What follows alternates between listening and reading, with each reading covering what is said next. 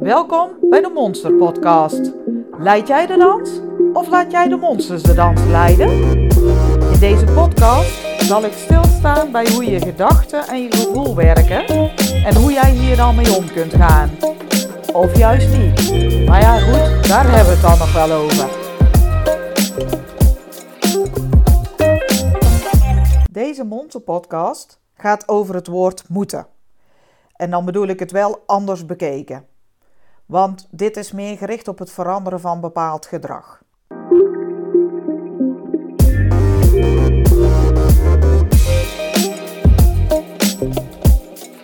De vorige keer toen had ik het er ook al over, over het moeten veranderen. Nou ja, uiteindelijk moet er natuurlijk niks. En moeten is ook helemaal geen fijn woord. En toch wil ik het hier even verder over hebben. Want op het moment dat je iets uh, wil veranderen, dan zal er toch iets moeten gebeuren. Want zomaar, zonder verder iets te doen, lukt het niet. Uh, ik denk dat je dan toch uh, gaat kijken naar wat kan ik anders doen. En daar, daar haal je vanuit je onbewuste, haal je naar het bewuste. Want vanuit het bewuste kun je het anders leren doen. Dat onbewuste, dat doet gewoon wat je altijd gewend is. Daar, op zo'n moment, als je iets wil veranderen, heb je daar niet zoveel aan. Dus op het moment dat je iets wil veranderen, dan zal er een actie gedaan moeten worden. En dan komt dan toch elke keer dat woordje moeten om het hoekje kijken. Alleen ik denk uh, dat je zelf ook wel kunt bedenken dat als, het, uh, uh, ja, als je wil dat er iets verandert, dat je het echt anders moet gaan doen. Want anders blijft het gewoon hetzelfde. Ehm, er verandert dan niet veel. En ik denk dat het daarom goed is om eens te kijken naar een soort van stappenplan. Om te kijken hoe je toch naar die verandering kunt komen. Want zo uit het niets wachten, dat lukt niet. Op het moment dat je een stappenplan hebt, dan kan er, kun je actie ondernemen vanuit dat plan. Want dan heb je daar veel meer bij stilgestaan en lukt het ook veel beter om die acties te ondernemen.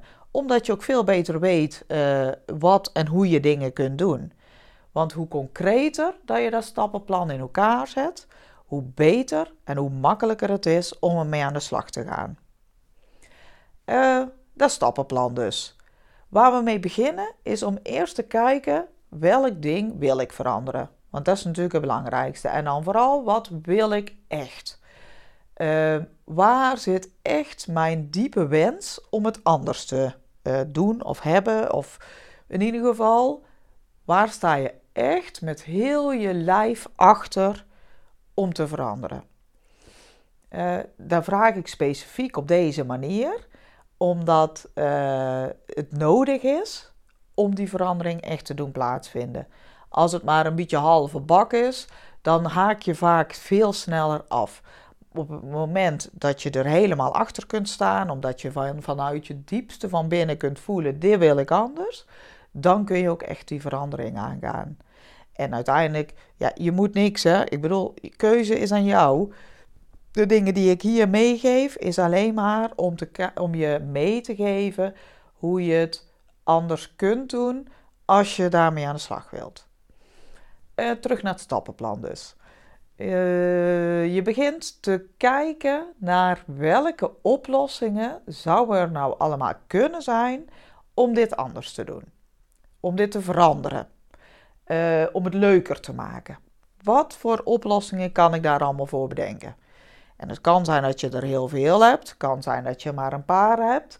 Dat maakt allemaal niet zo heel veel uit, maar schrijf ze even onder elkaar. Uh, neem daar ook de volgende dingen in mee, want het kan zijn dat je die oplossingen zelfstandig uit kunt voeren. Maar het kan ook zijn dat je voor die oplossingen iemand nodig hebt. Dat maakt ook niet uit, alleen het moet wel even helder zijn. Want van daaruit kun je ook de keuze gaan maken met welke oplossing je aan de slag wil gaan. Uh, moet je er iets voor kunnen als je die verandering of die oplossing toe wilt gaan passen? Moet je daar, of moet je daar nog iets voor leren? Dat zou kunnen. Uh, als dat zo is, dan is het even uh, goed om duidelijk te hebben wat dat dan is, zodat je daarna kunt kijken of kunt zoeken waar kan ik dat leren of wie kan mij dat leren. Want dat zul je wel eerst uh, gedaan moeten hebben. Ehm want ja, dan neem je dus altijd de vraag mee: kan ik dit al wel of kan ik dit al niet? En dan ga je kiezen: moet ik daar nog iets voor leren? Uh, zijn er misschien iets, dingen, spullen voor nodig? Uh, misschien niet. Maar ja, als er wel spullen nodig zijn, is wel even handig om te weten welke dan.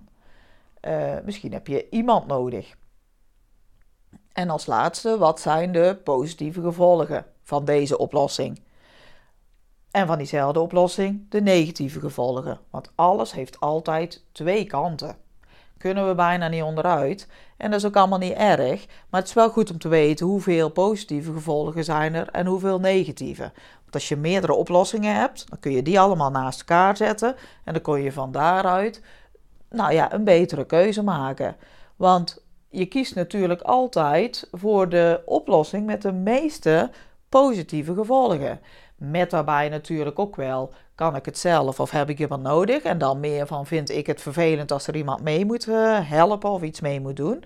Dat zijn ook allemaal afwegingen die je gaat maken. Ehm, maar goed, alles is goed als je het maar voor jezelf helder hebt hoe het in elkaar zit.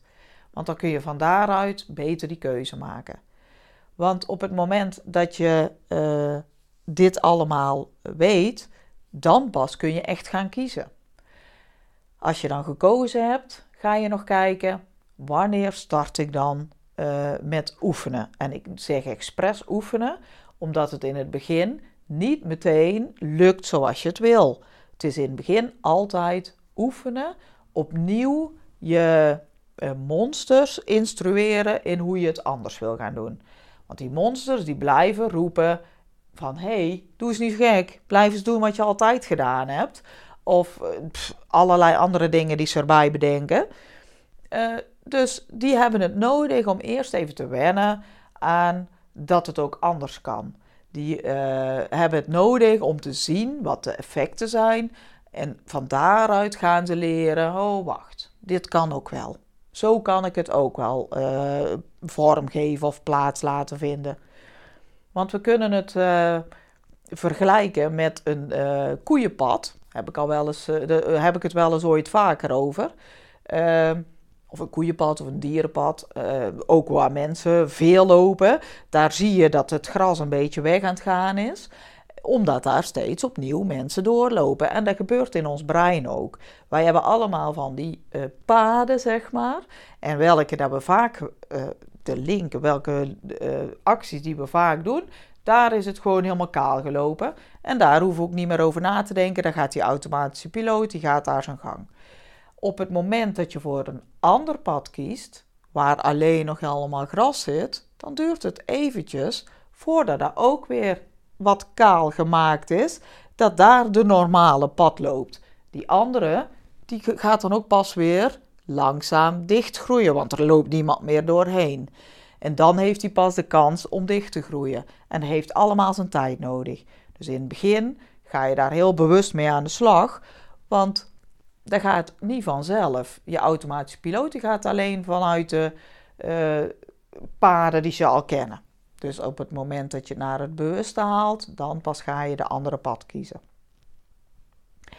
Daar, uh, stel dat je hulp nodig hebt, omdat je het niet helemaal alleen kunt in het oefenen dan heb je natuurlijk wel nodig dat je die ook even uh, vraagt of uh, bijpraat. Want anders weet je niet wat de bedoeling is. En dan moet je ook weten waar wil je oefenen en met wie wil je oefenen. Hoe ziet er dan uit? Wat ben je van plan? Ga, denk daar van tevoren wel goed over na. Niet dat je per se alles weet, alles kunt weten van tevoren, maar wel om niet te veel voor verrassingen te komen staan. Want als dat wel zo is, vaak haak je dan ook weer af. Dan denk je, laat maar, het zal wel weer. Nee, jij wil nu veranderen, dus zorg dat je er ook echt voor kunt gaan.